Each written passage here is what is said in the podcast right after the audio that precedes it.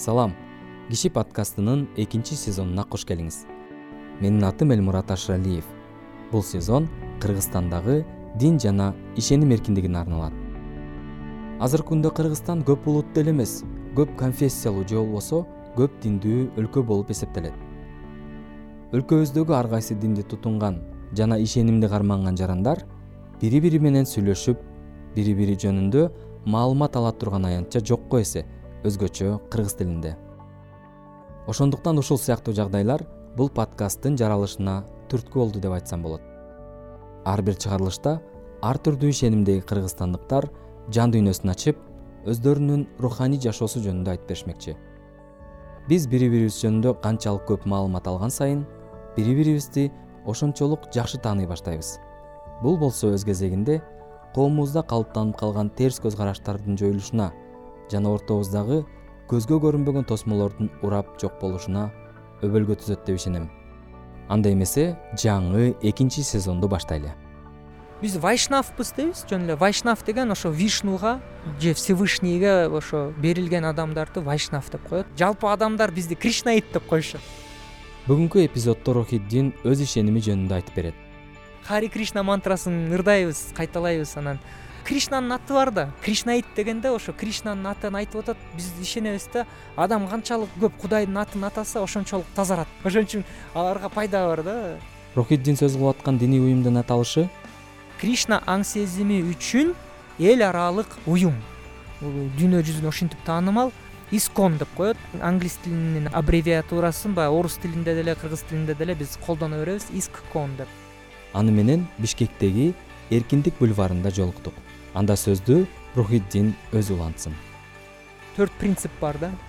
Биринчи принцип бул деген мээримдүүлүк мээримдүүлүк бул ошон үчүн эт жебейбиз да. Ошо вегетариандык жашоо образын колдонобуз. Анан экинчи принцип бул деген тазалык деп коет. Ошон үчүн биз деген интоксикация ичпейбиз кабыл албайбыз да. Мисалы там арак же болбосо шарап э ушундай баягы. Тамеки ооба анан э, баңгизаттар албетте. Жада калса тиги чай менен кофе дагы ошол категорияга кирип калат. Биз ичпейбиз да. Анткени анда деген кичинекей баягы үлүштө бөлүмдө болсо дагы бирок деген ошол наркотик бар экен да. Кофеин деп коебу. Э ошол бир аз адамды баягы монтип көндүртүп коет экен. Анан ал аң сезимге мындай терс таасир этет экен. Өзгөчө убакыт өткөн сайынчы үчүнчү принцип бул деген баягы аскеза деп коебуз аскетичность деп. Аскетичность бул деген эме өзүнө мындай мындай оорчулуктарды өзүңдүн өзүңдүн эркиң менен кабыл алуу да ошо э кандайдыр бир жогорку максат үчүн да. Ошо анан ошон үчүн баягы үй бүлөнүн сыртында карама каршы баягы жыныстагы инсандар мененби десем э ошо мамилеге кирбейт да адамчы. То есть өзүн баягы сактайт мындай нерселерденчи. Бул дагы өзүнчө бир нерсе. Анан төртүнчү принцип бул деген чынчылдык чынчылдык дегенде ошон үчүн биз деген чынчылдыкты сүйлөгөндө андан сырткары дагы эмени дагы айтабыз да тиги баягы азарттык оюндар кумар оюндар кумар оюн ойномой анткени кумар ойносоң сөзсүз алдайсың да. Анан ал дагы ошого кирип калат негизги төрт эрежени кыскартып айта турган болсок алар биринчиси вегетариандык диетаны сактоо. Экинчиси алкоголдук ичимдиктерди тамеки жана наркотикалык заттарды колдонбоо. Үчүнчүсү кумар оюндарын ойнобоо. Төртүнчүсү расмий никеси жок жыныстык катнашка барбоо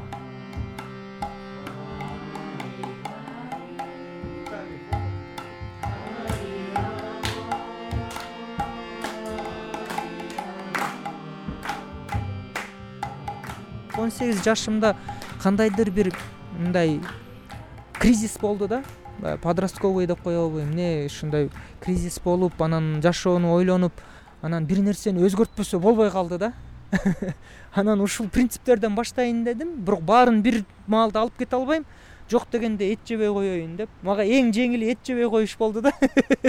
Көбүнө эң оор да булчу. Бирок деген мен үчүн ушул эң жеңил болду. Анткени этке мындай өзү көп өзгөчө моундай эмем деле жок болчу да баягы атайын баягы сатып алып эт жеш керек эле депчи монтип эметкен күндөр болгон жок.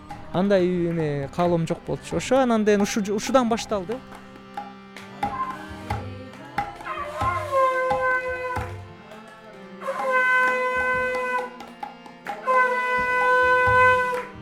Санскрит тилинде кудайды багаван дешет. Бага деген бул байлык десек болот да. Ван деген бул деген ошол ээ деген. Ошондо кудай деген бүткүл байлыктардын же жакшылыктардын ээси деп которулат экен да. Өзү негизги аныктамасы ушундай экен. Жалпы эле дүйнөдө алты байлык бар экен да. Биринчиси бул ошол байлык да. Акча башкача айтсакчы э мындай кадимки эле алтын күмүш алмаз бриллиант. Экинчи байлык бул күч экен адам физикалык күчтүү болсо бул дагы өзүнчө байлык болуп эсептелинет. Анан үчүнчү байлык бул деген атак даңк. Инсан деген даңктуу атактуу болсо бул дагы өзүнчө байлык да. Төртүнчүсү бул деген сулуулук. Адам мындай кебетеси менен сулуу болсо бул дагы мындай жакшы нерсе экен да. Адам деген мындай мындай көп жакшы жакшы жетишкендиктерге ээ болот экен. Бешинчиси бул билим экен. Адам билимдүү болуп дагы мындай бул дагы байлык экен да. Билимдүү болсоң сен эч качан мындай болгондо дагы баягы байыркы китептер именно билимди өзгөчө байлык деп мындай эметишет да мындай өйдө көрүшөт. Анан алтынчы байлык бул деген баягы баш тартуу деп койсомбу э кыргызча. Өзү руханий мындай күчтүү баягы инсандар алар деген бул дүйнөгө байланган эмес да. Алар кой берип коет? Байланбайт да. Бир дагы инсан материалдык дүйнөдө бул алты байлыкка толугу менен ээ эмес да.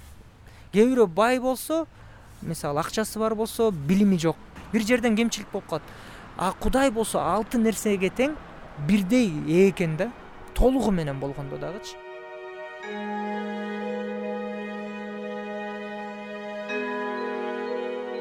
Кудай бул деген эме бир энергия деп коет кээ бирөө. Кээ бирөө кудай бул аалам деп коет.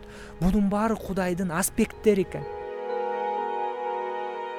а өзү кудай болсо инсан экен да тирүү жан сыяктуучу бирок ал деген потенциясы жөнөкөй жанга окшош эмес да. Жөнөкөй жан менен кудайды салыштырганда экөөнүн сапаттары бирдей экен баягы.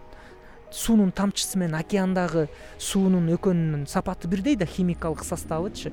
А бирок деген эме сандык тараптан алганда экөө эки башка да. Анткени океан чексиз чоң да тамчы менен салыштыргандачы ошондой экен да.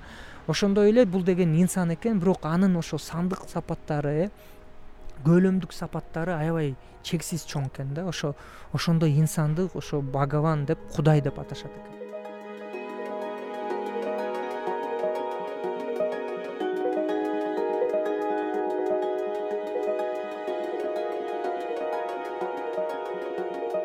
Кудай жалгыз албетте ал жалгыз. Чексиз жандардын ичинен өзгөчө бир жан бар.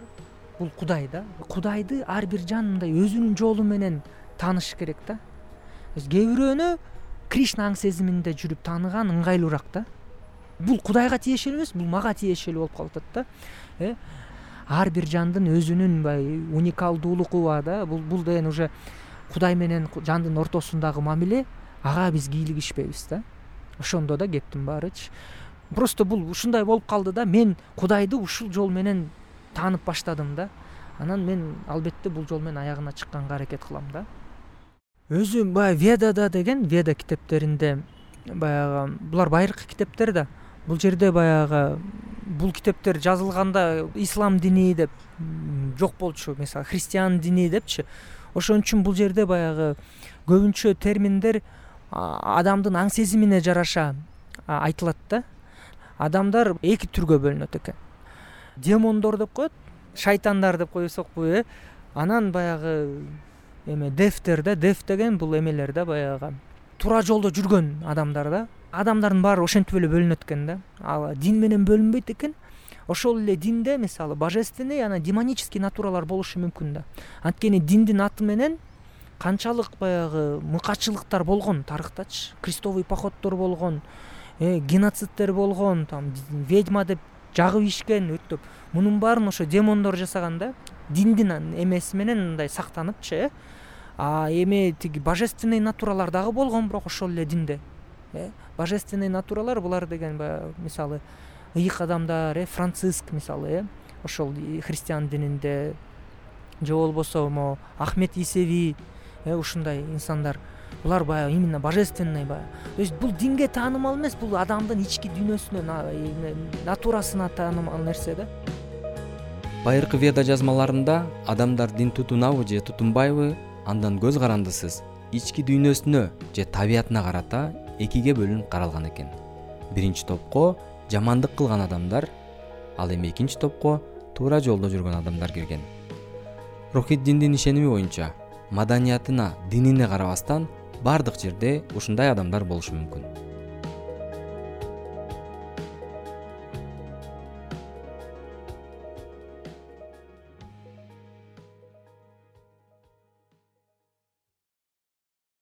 Бул подкаст европа биримдигинин колдоосу менен даярдалды. Айтылган ой пикирлер европа биримдигинин көз карашын билдирбейт. Сиз киши подкастын угуп атасыз. Бул эпизоддо рухидин өз ишеними туурасында ой бөлүшүүдө.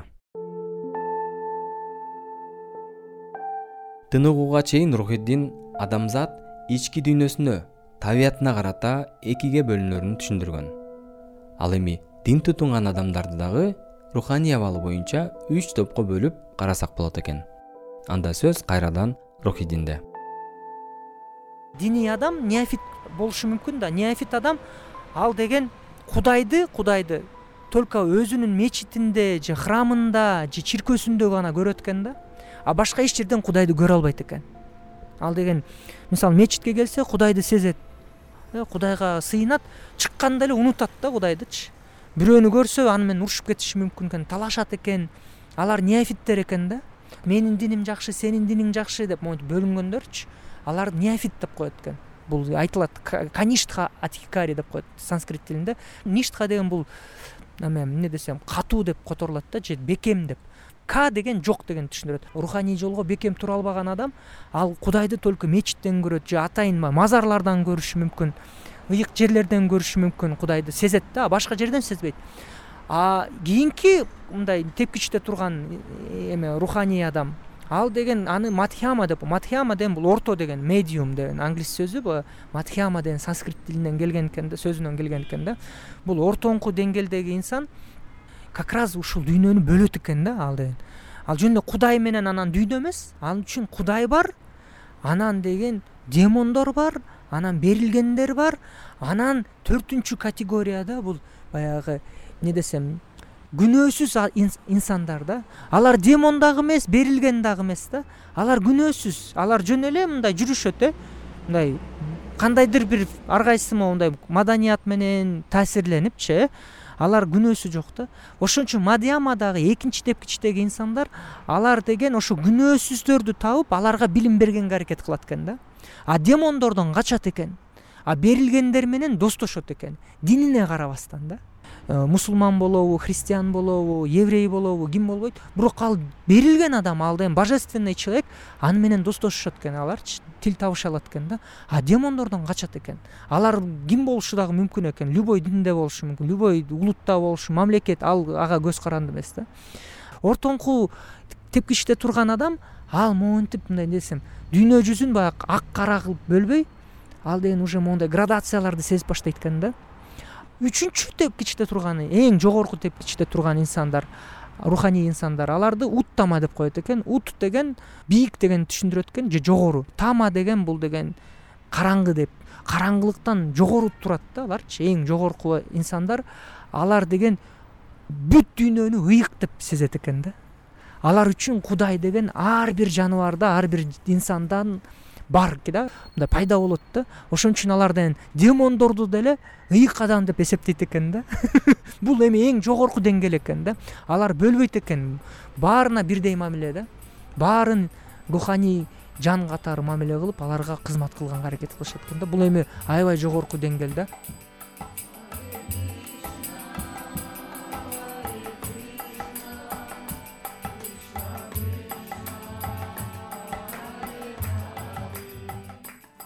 көбү деген ушу динди туура эмес түшүнүп алат да. Көбү ойлойт дин дегенде мен бүттүм эми заманбап жашоодон чыгып кетиш керекмин да. Мен анан билбейм кандайдыр бир баягы караңгы средневековье деп коет го ошого кайра кайтарыш керек элди депчи же жашоону. Ар бир динде ушул нерсе бар да. Баягы могу байыркылыкка мындай үндөө бул деген түшүнбөстүктөн пайда болот да. Биз деген байыркыга эмес биз деген бакытка чакырып атабыз да эмне үчүн мен руханий жашоону жашаганга аракет кылам? Мен бактылуу болгум келет да. Вот кептин баары ошондо эле да. Байыркылыкта эмес же заманбаптыкта эмес кепчи кеп бакытта да. Биз көрүп атабыз мисалы азыркы жашоонучу мындай мисалы компьютерде отурабыз канча саат э, э интернет тигил бул. Биз мында эмне үчүн отурабыз? Биз бакыт издеп отурабыз да. Э? Же байыркылыкка эмне үчүн умтулабыз? Бакыт издеп умтулабыз да. Кеп бакытта да адам канчалык бактылуу өзүн сезе алат да. Анан бул тууралуу иша панишада деген китеп бар. Ошондо айтылат да адам деген өтө эле баягы бир четтен башка четке умтулбаш керек деп айтылат. Ашыкчалык болбош керек. Өтө эле баягы заманбап болуп кеткен дагы бул зыян өтө эле баягы байыркы моундай жөнөкөй жашоого умтулуп кеткен дагычы баягы эмне десем э боз үйгө кирип алып анан суудан эме дарыядан суу ичипчи э билбейм ушундайбы э. Антип жашаган дагы бул дагы башка чет. Баланс болуш керек деп айтылат да. Ошол балансты тапкан инсан ошол баягы бул жашоодо дагы бактылуу болот анан кийинки жашоодо баягы эме боштондукка ээ болот деп айтылат да.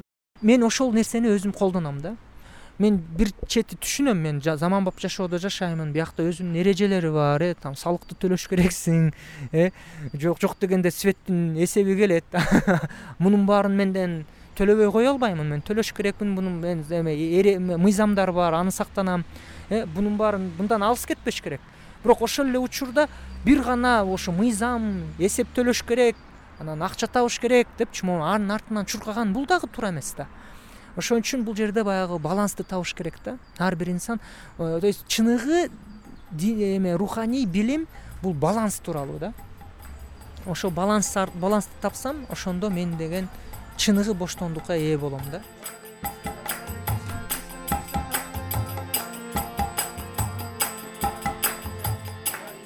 Жашаган өмүрү кандайдыр бир из калтырат да. Э кылган иши анан ошол иштер сөзсүз кандайдыр бир жемиш берет да. Ошол жемишке жараша кийинки жашоо болот. Эгерде жалаң эле моундай эмне десем туура эмес иштерди жасап жашаса анда скорее всего баягы деградация болот да кийинки жашоосунда балким адам болуп жаралбай калышы мүмкүн да.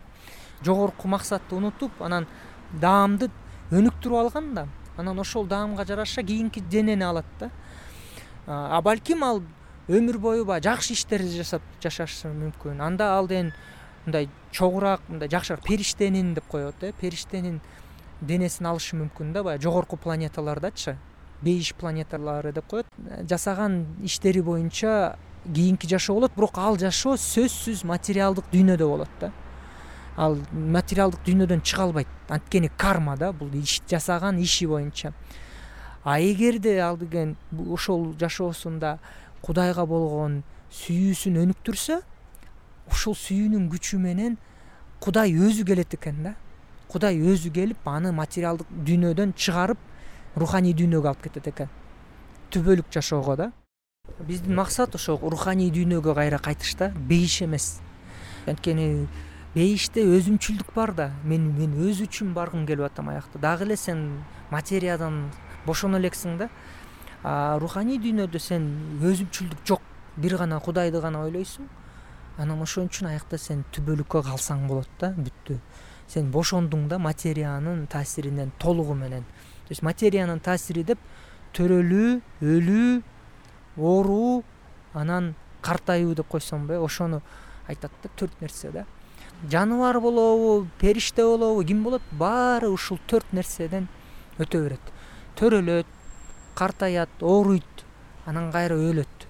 Кайра төрөлөт картаят ооруйт өлөт. Ушул эле нерсе да ушуну баягы материалдык рабство деп коет э баягы кулдукпу э ушинтип койсомбу руханий дүйнөдө сен аякта сен төрөлбөйсүң. Сен аякка кайра кайтканыңда сен даже кайттым деп сезбейсиң сен. Руханий дүйнөдө түбөлүктүк да бул деген материалдык жашооң бул түш катары сезилет экен да сен кудайга кызмат кылып атасың да анан бир моментте уктап кеткендей сезим болупчу. Сен түш көрөт экенсиң да вот материалдык дүйнө. Анан кайра кайтканыңда сен ошол кызмат кылып аткан жериңен баягы өзүңө келип ой ушундай болуп кетти го депчи. Монтип анан кайра улантып кете берет экенсиң кызматыңдычы түбөлүккөчү ошондой экен да. Эң чоң күнөө бул кудайды унутуп коюш. Ушинтип айтылат да эң жакшы мындай эмне десем аракет нерсе бул ар дайым кудайды эстеп жүрүү. Эгерде сен кудайды эстеп жүрсөң анда сен күнөө дагы кыла албайсың да. А эгерде кудайды унутсаң анда сен күнөө да бул любой күнөөгө барып коюшу мүмкүнсүң ошодон анан практиканын дагы маңызы келип чыгат. Кудайды ар дайым эстеп жүрүү анан эч качан унутпай унутпай коюу да. Ар дайым эстеп унутпай жүрүү да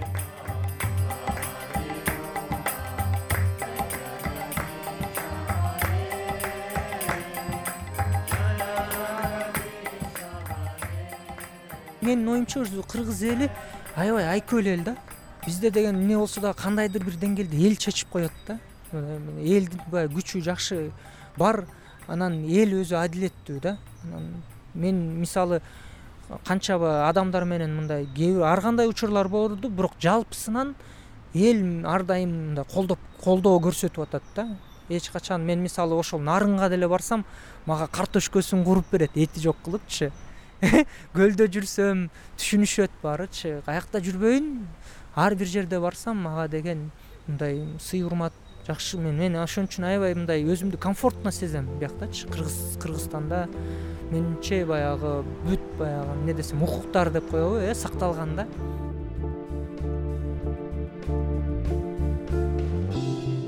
Бул эпизоддо сөз болгон ишенимди кээ бири индуизм деп түшүнүп алышы ыктымал бирок рухиддин сөз кылып аткан кришна аң сезими же кришна ишеними бул индуизм деген түшүнүк эмес. Бул бир системага салынган дүйнөлүк диний уюм болуп эсептелет. Албетте бул аз убакыттын ичинде бир диний ишеним жөнүндө толугу менен маалымат берүүгө мүмкүн эмес. Бирок ошентсе да адамзат жашоосун түшүнүүгө жардам берген диний окуулардын биринин эшигин ачып ал тууралуу маалымат бөлүшкөн үчүн рухиддинге ыраазычылык билдирем бул аптанын эпизоду ушуну менен аяктады. Аны мен элмурат ашыралиев даярдадым. Интервью бишкектеги эркиндик бульварында жаздырылды. Өзүңүзгө жаккан подкаст платформаларынан кишидебиз деп жазылып коюңуз. Кийинки бейшембиде амандашканча. Анда бул эпизодду рухиддин адамзатка жеткиргиси келген ой пикир менен бүтүрөлү. Биз баарыбыз баягы учуп бараткан канаттууларбыз да э биз бул жер бизге таандык эмес. Биз башка жерге учуп баратабыз. Анан ошон үчүн бири бириңер менен урушпагыла. Чогуу учуп жеткенибиз жакшы деген мааниде да. Ушул ойду айткым келет да. Аябай жакшы менин оюмчачы хоку да бул жапондордун сөзү да